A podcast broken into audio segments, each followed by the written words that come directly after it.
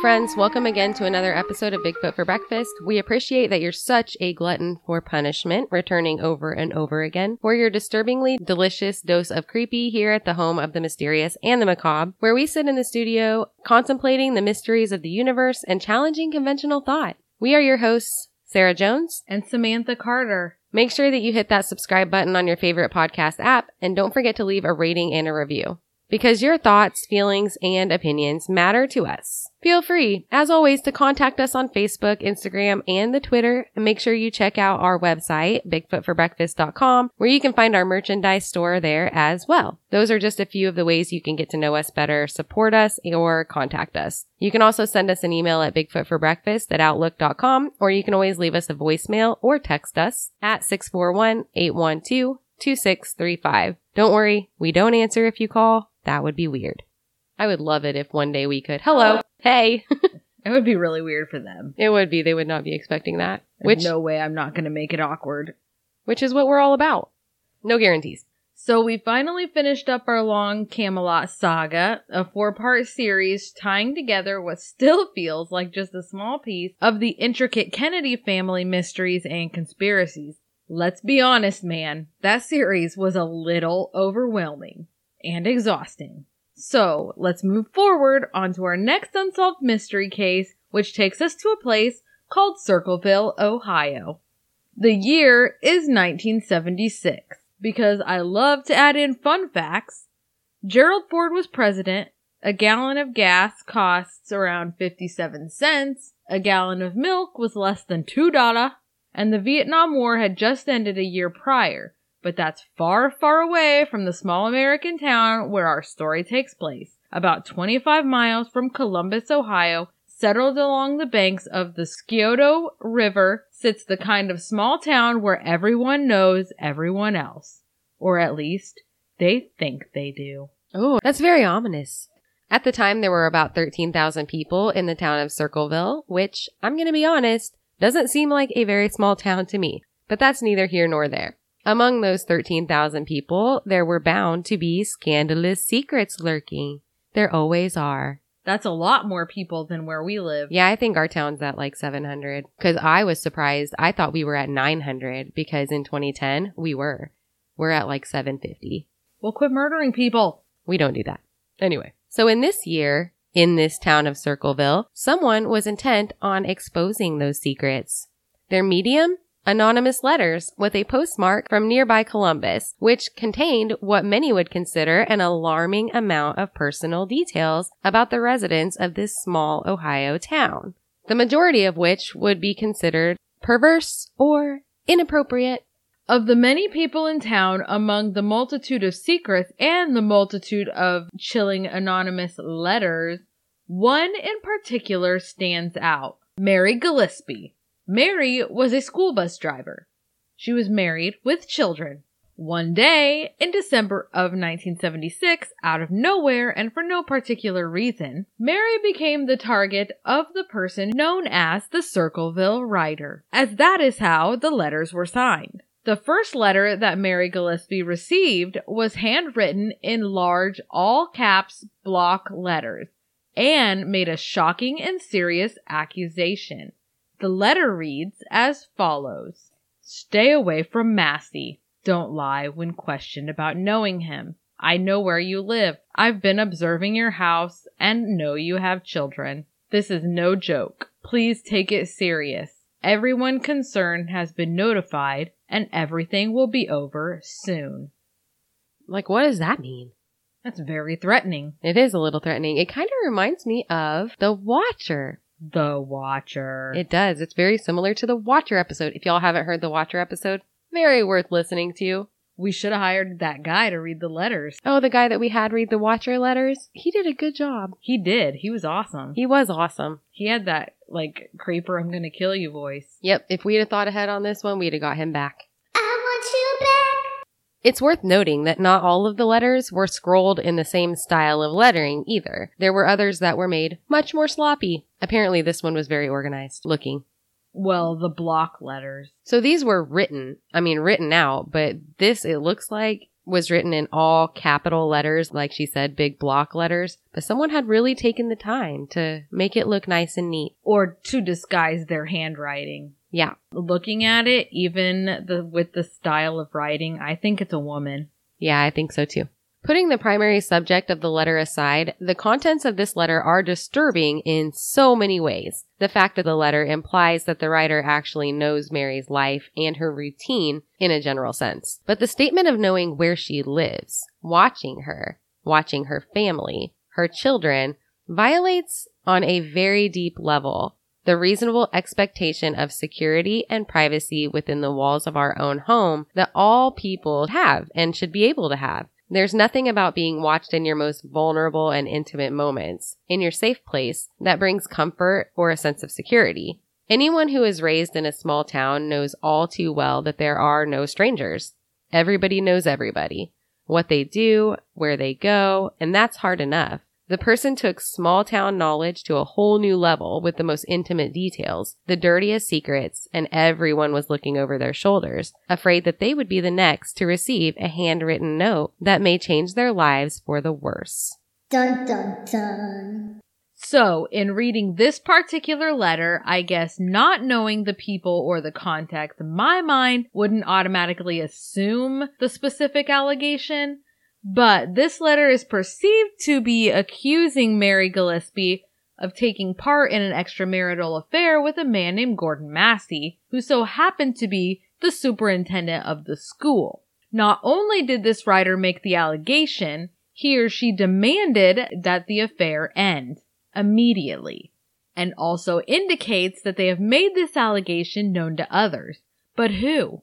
Why? Really, the biggest question aside from the obvious who is the writer, is it true? The Circleville writer jumped in headfirst here, as you can imagine. Mary was terrified. She kept the letter a secret, sharing it with her husband Ron and no one else. One could assume, haha, you thought I was going to say surmise, didn't you? I'm surprised you did not.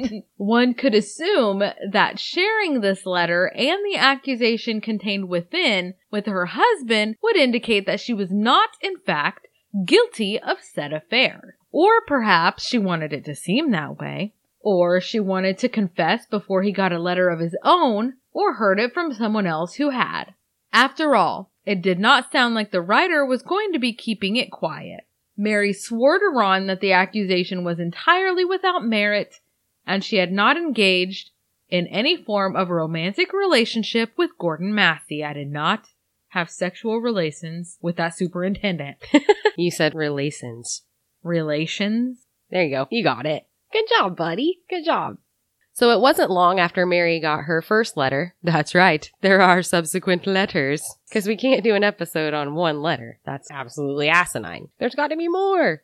So then she received the subsequent letter. I believe it was about a week later or thereabouts. The content of the second letter was pretty similar to the first and it added to her fear and paranoia. Mary became a little more vigilant in her day-to-day activities, keeping a discreet and fearful eye out in case the unknown stalker managed to slip up and make himself or herself visible. This does seem like a female thing to do. Females are more sneaky and catty. I feel like writing a letter behind people's backs and sending it anonymously would be a female. They're just petty like that. They're passive aggressive. Kind of like I feel like the watcher was an old lady, Could be. even though we strongly portrayed it as a man. We really did. I mean, we got a guy to read the letters, so. I just spilled coffee on my pants. Soon after Mary began receiving letters making those accusations and demands, the writer clearly became frustrated with Mary's apparent lack of action. Because she just went about her everyday life. And her husband, Ron, then started to receive anonymous letters of his very own. Oh, goody. But it wasn't simply to tell him about his wife's alleged affair. The letter to Ron demanded that he admit the affair to the Westfall School Board. The writer threatened to kill him if he refused. The letter reads as follows. We must inform you, Mr. Massey. It's not to Mr. Matt. Oh, no, it's not. Ron. We must inform you that your wife is having an affair with Mr. Massey. She has chased him until he caught her. Eliminate them both before they eliminate you. Remember, We know where you work. We know your red and white truck. No one can help you. Think of your children and their future. Call the school board and report the truth after you finish your own investigation. Notify the school board immediately. Again, your life is in danger. Noticed how it's now a we. Yeah, they're saying we, implying obviously that there are more than one of them. Or they're like that guy on that movie, Top Hat. I don't know what movie that is. He's like the butler or whatever, and he refers to himself as we. I'm going to start doing that. That'll really weird people out. we regret to inform you. We're always trying to do weird shit. So, to walk back just a little bit, I'm thinking that perhaps Mary didn't actually talk to Ron after her original letter until he received one. So I think from the research, some of the sources made it sound as though she told him immediately after she got her first letter, but then some of the sources made it sound like she came clean after she knew he got his letter. So maybe she just stressed about it internally, but went about her business like maybe it'll just go away if I just keep my mouth shut. And then it did not. Yeah. At this point, they both know about each other's letters and she says that absolutely, I did not have an affair. So anyway, the letter addressed to Ron was also written in all caps in the block style lettering. Together, the couple continued to keep the letters and their content quiet, which, as you can imagine, further infuriated the writer. So two weeks after Ron received his letter, another one was sent making the same demand, but with a new threat and it reads as follows. Gillespie, you've had two weeks and done nothing. Gillespie, damn it. Well, you can tell that he's irritated. He wants action. So let me do my voice. Gillespie, you've had two weeks and done nothing. Make Mary admit the truth and inform the school board, or I'll broadcast it on CBS, posters, signs, and billboards until the truth comes out.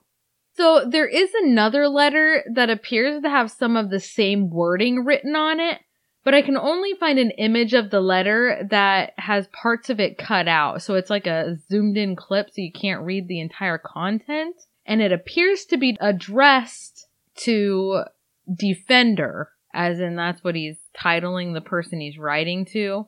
Which sounds like it would be her husband. Like he's not taking action. So he's, the writer is assuming that he's defending her with his lack of action. So it seems that Mary and her husband both have chosen to kind of ignore it, naturally just pissing him off. And that partial letter begins with the phrase, You are also a pig. And you can see again where they were told to inform the school board, or the information will be seen on CBS posters, signs, and billboards. And then the snapshot of the letter, you can't read like the end of the sentences, but it ends with only pigs ride motorcycles. Like why? I don't know what that means. Only pigs ride motorcycles. At no point does it specify that Ron rides a motorcycle anywhere. Maybe the superintendent rides a motorcycle. I'd be looking real hard at the superintendent's wife. Is he married? Yes, and has a teenage son, which we discuss. Okay. Uh, my armchair detective, keyboard investigator skills are starting to come out. And once again, that letter is written in all capital letters and block style lettering. After we release the episode, I'll post the images of what letters I could find. Okay. They also, they misspelled inform. They spelled it inform. I-M-F-O-R-M. So obviously he didn't go to this school. Anyway. So by now, lots of people in Circleville are receiving these types of letters. They're all about different things, but they're all over the place. Mary Gillespie's and Ron Gillespie's were just kind of the most dramatic. And by this time also, the letters were inciting panic that was spread throughout the small town of Circleville, Ohio. Suspicions were high, but no one knew the author of these illicit and threatening letters. Ron and Mary decided to continue to try to keep things as quiet as possible, but it seems like regardless of their wishes, word of the affair spread like whispered wildfire. Mary and Ron were in a tough and scary situation, and they needed help. They were limited on who they could turn to, because who could they trust? Not knowing who is behind the letters, they turned to their close family. Ron's sister Karen, her husband Paul Freshour, and Paul's sister. The group put their heads together to brainstorm and try to come up with a list of possible suspects. Mary expressed the feeling that she had that it may be a fellow bus driver who had come on to her that was behind the letters. She told the group that he had become angry when she shot down his advances, and it was decided that Paul would write a letter to this coworker, and his name was David Longberry. The letter would tell him that they knew it was him and that he needs to stop doing what he is doing. Another lead that they followed was that a few of the letters were signed with the letter W, which led the group to consider the possibility that the writer may be William Massey, aka Bill, who was Gordon's own son. This does make sense. He definitely has motive. He may feel that it's his responsibility to protect his mother. Paul wrote three or four letters to William prompting him to stop writing the threatening letters. When asked about writing the letters, Paul said, We thought we'd scare the guy. We'd send him four or five letters only. There was no violence in them or anything. Just that we knew who he was and what he was doing and we sent him the letters. So he did confess to writing those four or five letters.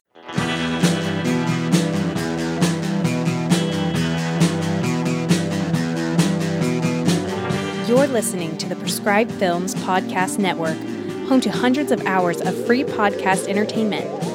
The shows on this network all have a common goal providing you with the best discussions about movies and other forms of entertainment media.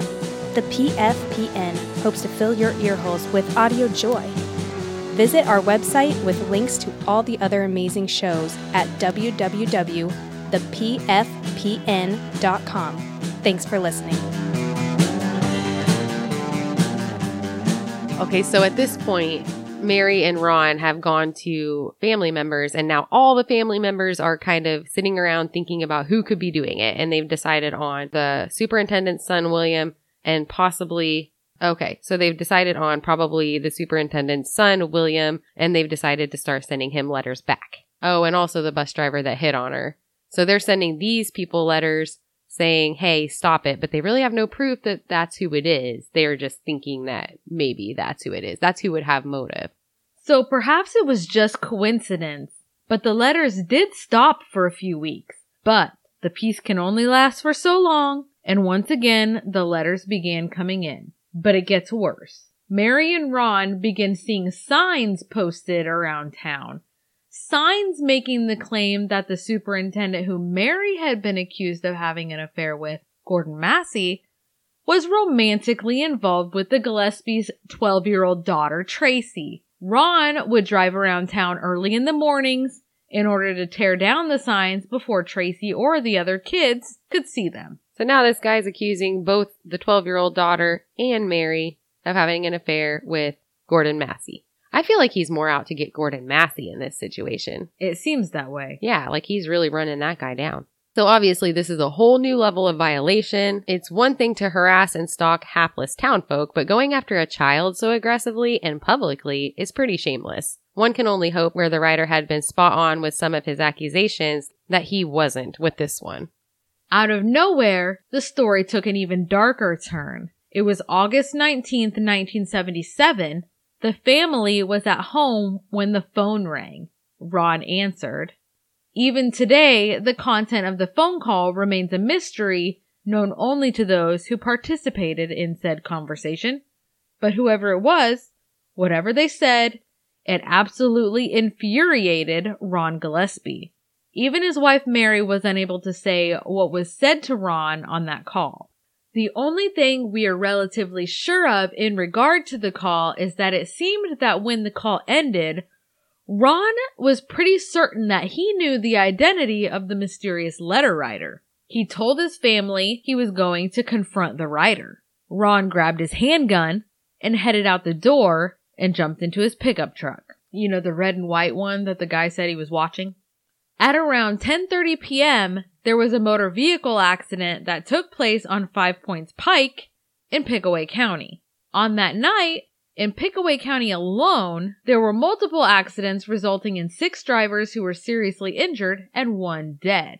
The one accident in particular, which is of interest to us regarding the story, a pickup truck was found wrapped around a tree. So at this point, either this was completely coincidental an accidental, or the writer of the letters, who presumably Ron now knew the identity of, had made good on his threat against Ron's life.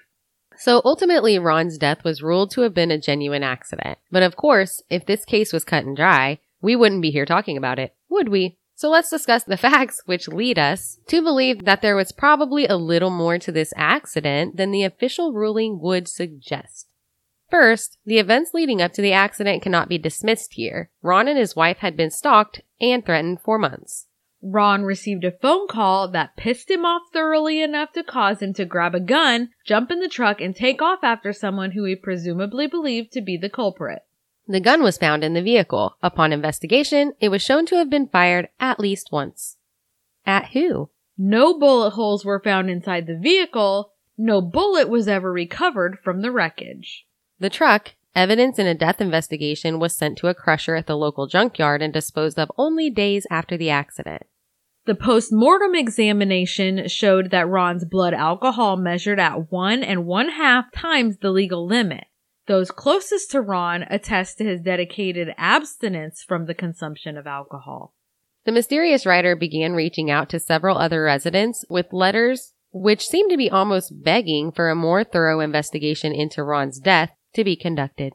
So did he like want to get caught since he was reaching out to people asking for more investigation into Ron's death? At this point, we're kind of assuming that there might be more than one person writing letters. Okay. It seemed as though the author was entirely unsatisfied with the accident conclusion, either because he knew a different truth or he was pissed off that he wasn't getting credit for his work. The writer went so far as to send a letter accusing the sheriff, Dwight Radcliffe, of covering up the crime. Sheriffs would never do that. There was a couple of articles that I read that say the gun was destroyed before the investigation was over. Why is that always happening in every everything? Every like episode. true Kennedy investigation fashion. Like every episode. Remember like when the Smithsonian kept losing all their evidence with the giants and then every investigation we cover it's like, "Oh, the gun's gone. Oh, so are these bullets." Oh, and so are John F. Kennedy's brains. Yep, everything. Everything's just gone. Poof. Um, that was only in a few of the articles, so I can't really confirm that. Okay. So I don't know for sure. I just wanted to throw that in there just in case. Well, it is applicable.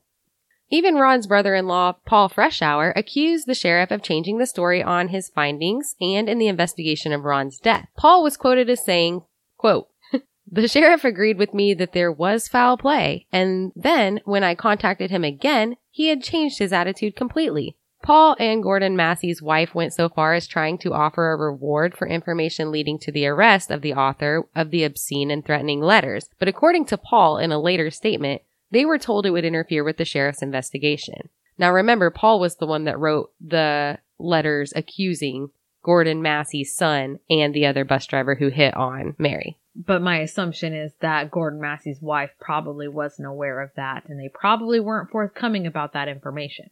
But it is applicable later, though, that Paul Freshour got himself involved, correct? Yes. Okay. And he admitted to write some of the letters. He was writing the letters back, though, not the initial letters. Yes. Okay.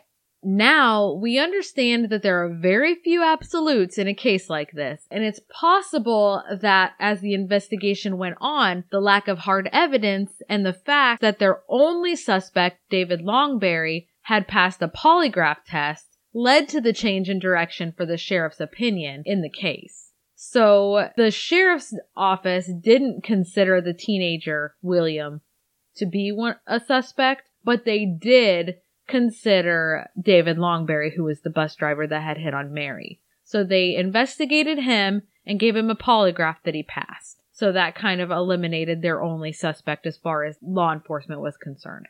So really, they just didn't know where to go from there. Yeah. So even if his personal opinion were that there was foul play in the accident, the official conclusion had to go where the evidence or lack thereof took them. So we'll give him fair consideration here while keeping in mind that there was some sketchy things in the investigation and it's still possible that for one reason or another he covered up and destroyed evidence in a murder investigation. That wasn't the only investigation he was accused of botching either. The writer of the letters accused the sheriff of mishandling an investigation into Pickaway County coroner, Dr. Ray Carroll, who had been accused of sexual abuse by several children and was, in the end, actually charged with 12 counts of gross immorality, sex crimes, corruption of a minor, pornography, obscenity, indecent exposure in December of 1993. The point is, the letters were based on things that were legitimately happening. Eventually, with this continuation of the letters pouring into homes and hands of numerous Circleville residents, the situation escalated to the point of posters and signs being posted around town, most of which continued to focus on exposing Mary's alleged affair with Massey. Many of these signs were threatening not only to her and Massey's job stability, but Mary's children as well, most notably her 12 year old daughter. So between the years of 1977 and 1983, the letter count that Mary had received was around 39 letters to Mary alone. And while Mary had been a clear primary target for the writer, like we said previously, she wasn't the only one receiving these letters. Within the same time frame from 1977 to 1983, the residents of Circleville had received letters which numbered into the thousands. So many that they had their own dedicated storeroom in the Pickaway County Police Station. So either this was more than one person or this was a very busy guy. In February of 1983, the writer's vendetta against Mary Gillespie had blown up into an entirely new level of intensity. While driving her bus route, Mary came across a sign which put her daughter in the line of fire with more accusations of an illicit relationship with Gordon Massey. Remember, this daughter is 12 years old. This is the last straw for Mary.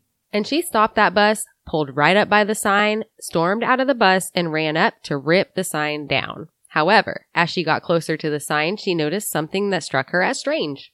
She noticed that there was a length of twine that was hanging from the crudely made box that the poster was hanging from. Instead of ripping the poster off the box, she packed the entire rigged up structure back onto the bus with her, where she proceeded to pry the lid of the box off. She managed to break the hold of the glue that held the thing together. Once she got the box open, she found two large blocks of styrofoam inside the box. The purpose of these blocks was to hold a pistol in place. It's a trap! The dangling twine that she noticed, which thankfully made her question how she was going to handle the package, was attached to the trigger. The writer had constructed this crudely built trap with the purpose of firing the gun at whoever tore down the sign. I really kind of question her logic at this point on bringing it into the bus where it is not specified if there are or aren't children on said bus. And if there were children on the bus, that would have put them at risk, obviously, as did pulling the bus over on the highway to begin with. Anyway, after that trap was found, another bus driver that had passed by the spot where the sign was found about 20 minutes before Mary did claimed that he saw a man standing near a yellow El Camino by the sign. Okay, so yellow El Camino now. The man turned away from the bus driver, apparently trying to avoid being identified. That would have been around noon that day. So it sounds like Mary testified in court that she had first thought that the gun might have been a starter pistol and not a live firearm. Wouldn't it be obvious? Um, well, they look like revolvers most of the time, so I don't know if it was a revolver or if it was an automatic handgun that she found in the box. I don't know. Safety regulations have changed. Indeed. What I find strange about this whole piece of evidence is that rather than immediately report the incident to the police and turn in the evidence, she took the device home. It was only after having had it at her home for several hours that she finally took it to the police station. This makes me think she was having an affair with Gordon Massey because she was doing a lot of things to kind of like try to sweep the letters and the whole situation under the rug. You know what I'm saying? Am I like taking the armchair detective thing too far? I'm the worst. Even when I'm watching movies, I feel like I know the answer and everyone's like, shut up. Maybe we could all watch the movie together. Are you ready for this? Yeah, go ahead. An examination of the pistol revealed that it had belonged to Mary's own brother-in-law, Paul Freshour. I knew it. Aha. Uh-huh. So he worked at a local Anheuser Busch plant. And a fun fact, apparently Paul was once a prison guard and had survived an intense 30 hour incident as a hostage when inmates briefly took over the Ohio State Penitentiary in August of 1968. So that's completely irrelevant, but an interesting fun fact about Paul, and I wanted to include it. So anyway, on to the literal smoking gun in the case, except not smoking because it didn't actually fire, but it sounded cool. Apparently, someone had tried to rub the serial number off the pistol, but lab tests were able to read it accurately. Freshour said the gun was his, but he had not seen it in a long time and had no reason to check on it. He denied that he had anything to do with the booby trap.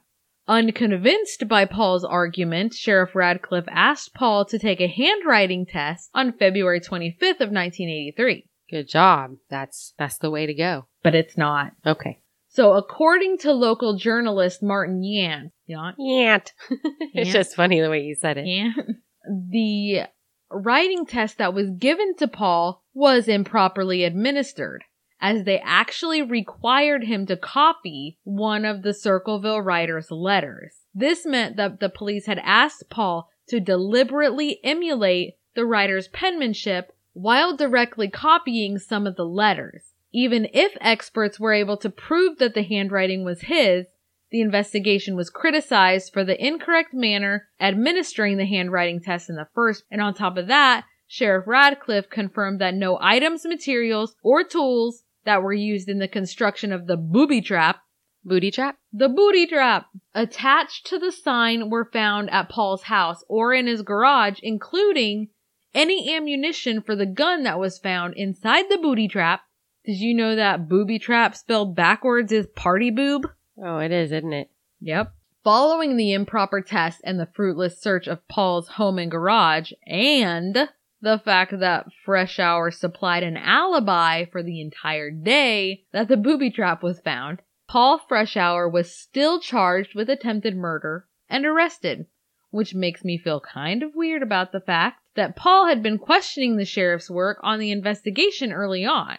Things that make you say, hmm. It's at this point that I find it important to disclose Mary's sister-in-law Karen and Paul Freshour separated after Paul discovered that his wife was cheating on him. Paul filed for divorce, and it was in these proceedings and at no time before that Karen started to indicate that she believed Paul to be involved in the letters, the booby trap, and in Ron's murder. Also, around the time that the divorce proceedings were taking place, Karen had asked Paul's sister if she could use a typewriter that Paul had loaned to her because she was planning on writing a book. His sister questioned this a bit as she hadn't known Karen to be a typist or a writer, not to mention that she had found it odd, as do I, that she would want any of Paul's things since they were going through a divorce. Karen told her that Paul was aware and okay with her borrowing it, so she ended up loaning it to her. Now, I don't know about you, but I find it odd and mildly coincidental that in some of the letters that the people in Circleville had been receiving around that time were not written in typical block style handwriting, but typed with a typewriter. Weird. Yeah. During the divorce proceedings, Paul fought for and was awarded full custody of the couple's children, as well as their home. Karen Sorick, who is his ex-wife, moved out and ended up moving into a trailer which was sitting in Mary Gillespie's backyard. And that's enough to piss anyone off and drive them to do some crazy things. And you know, it's not that common for the wife to not get custody of the kid. And we always get the house, Absolutely. right? I mean, if not the children, definitely the house. Definitely the house.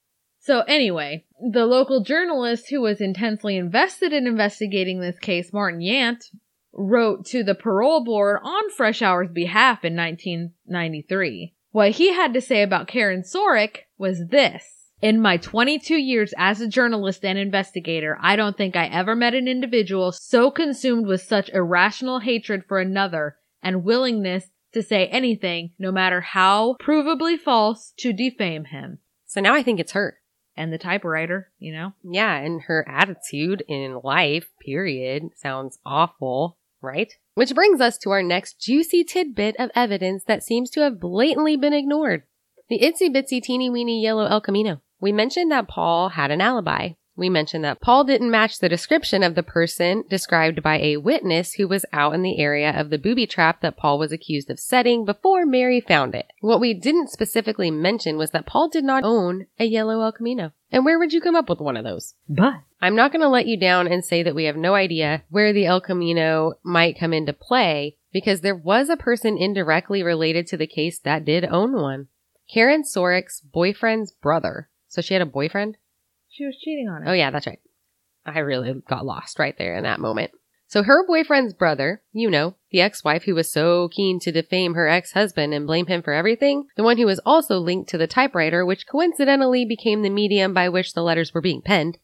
Holy circumstantial evidence, Batman. I feel like that's even beyond circum. No, it's not, but it's so obvious. If these aren't grounds for reasonable doubt, I don't know what is. Also, I feel that it's important to note that during the trial, the El Camino was repeatedly described by the prosecution as having been orange, when the witness described it as yellow. Which leads us to believe that they were continuously trying to cover things up and make it look like it was Paul. But why? After Ron died and Gordon divorced his wife in 1979, Gordon Massey and Mary finally admitted that they had, in fact, been having an affair as the letters alleged. I knew it. However, they claimed that the affair only started after she began receiving the letters. No. There is no way to know for sure if Mary was telling the truth, but I think we can all agree that it is beyond strange that she would start sleeping with Massey after being warned not to, especially when threats against her daughter's life had been made. That doesn't sound like a very mother-like action to take if you ask me, but of course, no one ever does. And also, I wasn't alive at the time. Wasn't it in the early 90s? No, I just said in 1979. I wasn't alive for half of the time. Anyway, Paul went to trial on October 24th, 1983 for the booby trap that had been set for Mary with the intention of murdering her. Although he was never charged with writing the letters, they were used against him at the trial and everyone assumed that he had written the Circleville letters. During the trial, there were only 39 handwritten letters available to be viewed as evidence, which seems strange, considering the prosecution as well as the sheriff had notably repeated that there were thousands of letters in evidence. One could suspect that the letters were being withheld by the prosecuting attorney and possibly the sheriff as they had either shared information about them personally or information that may or may not have been detrimental to their case. More than that, Paul wasn't allowed to give testimony as a witness in his trial. As the trial judge, Judge William Ammer ruled that Quote, if Mr. Freshour took the stand, all thousand letters would be admissible as evidence. A recorded court transcript outlined that just prior to the start of the trial and in the presence of the court reporter, a hearing was held in the chambers on the issue of the admissibility of the letters the state intended to offer into evidence. At such time, the prosecutor advised the court that without the letters, he, the prosecutor, might as well just dismiss the indictment, as he would then have a very shaky case, which he might not be able to prove. So they indicted him on the booby trap, but they didn't have enough to prove that he wrote the letters, but they still used the letters that he may or may not have written as evidence to convict him in the booby trap. But I don't even understand how they had anything against him in the booby trap. Like it wasn't his car. It He was didn't his gun. But it didn't match the description. It wasn't his car. I mean, anybody could take someone's gun. I still think it's like the worst evidence ever that he was the person that did it. Even with the letters being used as evidence, the handwriting expert examining the documents written by Freshour prior to the letters, at no point was the poster that was placed on the booby trap for which he was being tried examined against Freshour's handwriting by the expert.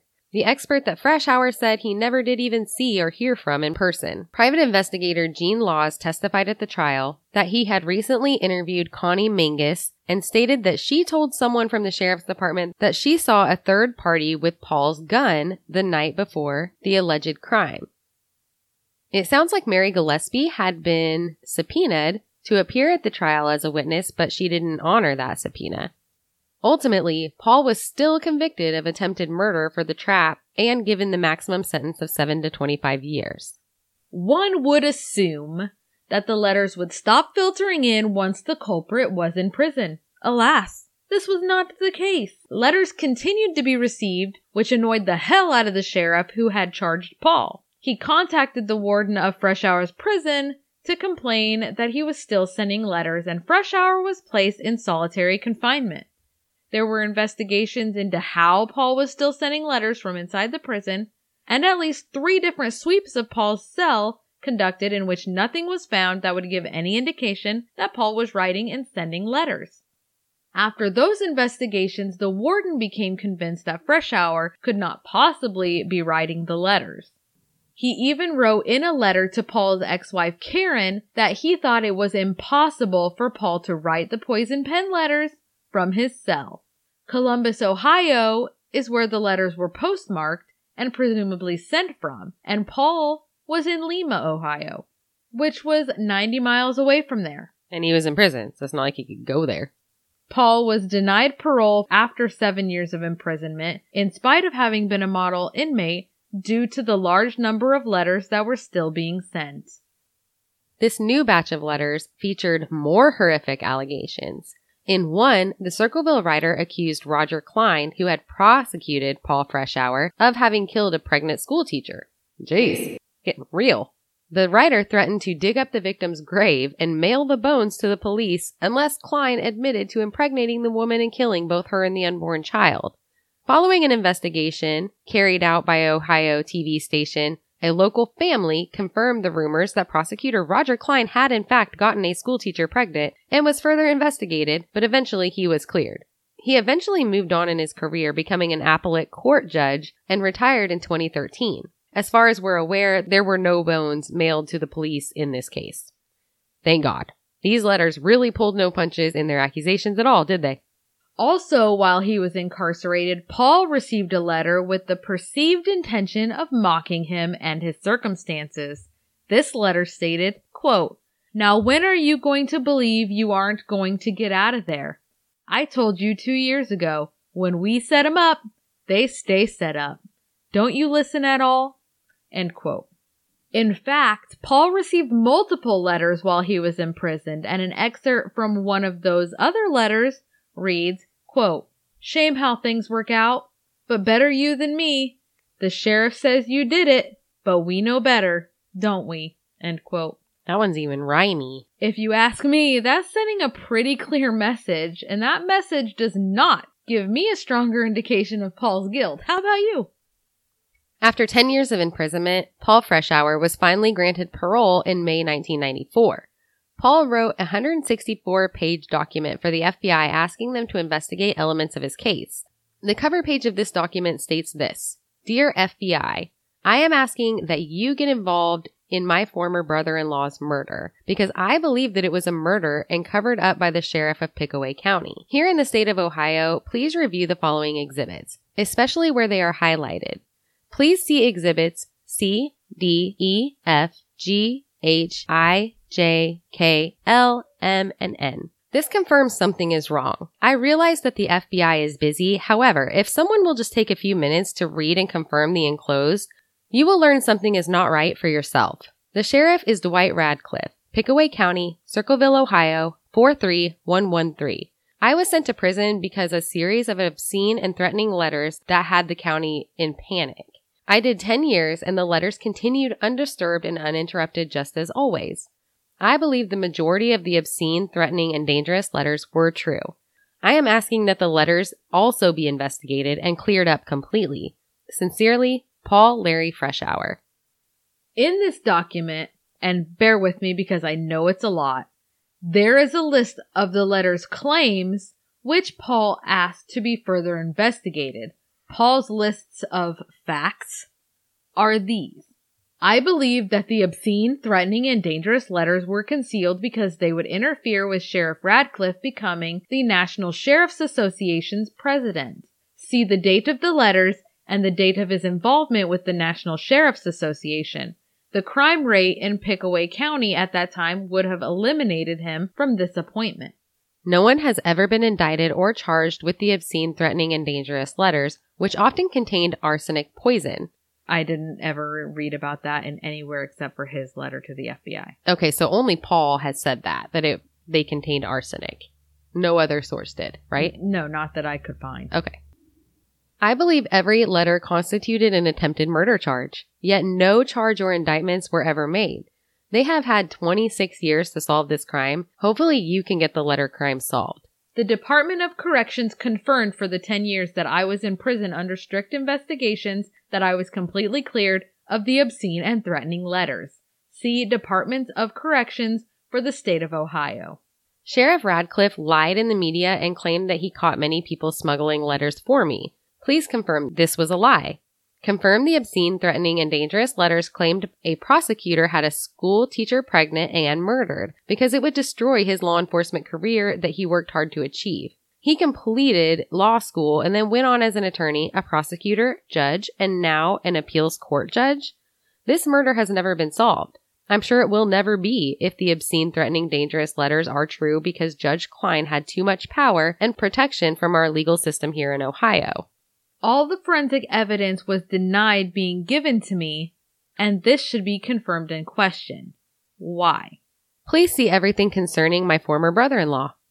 Confirm that Sheriff Radcliffe kept the school superintendent's divorce out of the media because it might have affected him because of the rumors of his affair with a school employee, which had been reported in the obscene and threatening letters. Through investigation, the sheriff was going to claim that this was done in order to catch the letter writer. Who was going to call and question why Massey's divorce was never in the media? The sheriff always covered his tracks. Please review all materials and send someone to investigate my claims, which are true. I feel like Paul's claims are fair. He also made the claim that Gordon and Mary would go to his hometown, Gallipolis, Ohio, and had a stopping point halfway there to have a drink at a bar, which was Gordon's friend's bar. Mary also met Gordon at different places, even in West Virginia. Once she met him outside of Cincinnati, and in fact ran out of gas in her car and her husband had to come get her. Paul wrote to the FBI that, quote, on the night of Ron's murder, Mary Gillespie and my wife, Karen Sorick, were on their way to Florida with two other women. These women will swear in court of law that they were told Gordon Massey would be there. They informed my lawyer of this. A year prior to Paul's release, the television program Unsolved Mysteries decided to feature this mystery of the Circleville Writer. Before the episode could be filmed, the show received a threatening card that read, Forget Circleville, Ohio. Do nothing to hurt Sheriff Radcliffe. If you come to Ohio, you sickos will pay. L sickos. In spite of the threats made in relation to the filming of their show, the Unsolved Mysteries team went ahead with their production. The episode debuted on November 11th of 1994, but unfortunately bore little fruit in the way of finding or exposing new leads after it aired. The 1993 warning to the show was the last known incident in regard to the Circleville Writer. For the most part, it seems that the letters were kept pretty close to the sheriff's vest, and very few of them are available to be viewed by the public for one reason or another. I do suggest that if you are wanting to do some digging of your own into this case, you find the link for Paul's letter to the FBI and look through it. Aside from that, I think you somewhat get the gist of the saga that is the Circleville letters. And that's that for this week's episode of Bigfoot for Breakfast. Thank you again for following us down the rabbit hole. Keep listening as we continue to spiral down through various mysteries of the universe. But before I forget, to go along with this episode, the Circleville Pumpkin Show, which is an annual event, should definitely be added to our list of tourist traps to visit in the future. Ohio, here we come. I don't want to go to Ohio. But my heart is in Ohio. Mine is not Hawthorne Heights. Apparently, they also have a water tower that's painted like a pumpkin. Ohio versus everything. OVE. I don't even know what you're talking about. Wrestling Revolver. Oh, I don't watch that. Wrestling Revolver. Nobody likes wrestling. I do. I know. But I do.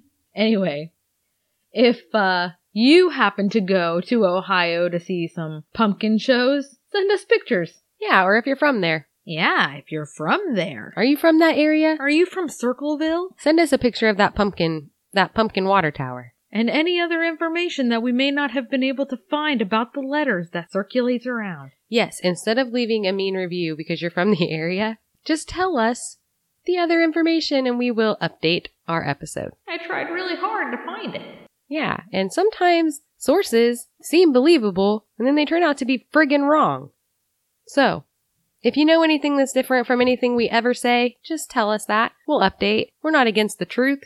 Anyway, if you want to contact us for any reason, shoot us an email at bigfootforbreakfast at outlook.com, send us a Facebook message, or post on our wall. You can share memes with us. We love those. You can also follow us on Instagram, send us messages on there, and don't forget about Twitter. Also, you can leave us a voicemail and let us know what you think of the show and we'll play it on an episode. The number is 641-812-2635. And also, I want to give a quick shout out and say hello to Sam from Old Barn Taxidermy. Thanks for listening and make sure you check them out on Facebook. She's literally waving at you while she says it. Hi, Sam. Hey. I love your name. See you next week. Ta ta.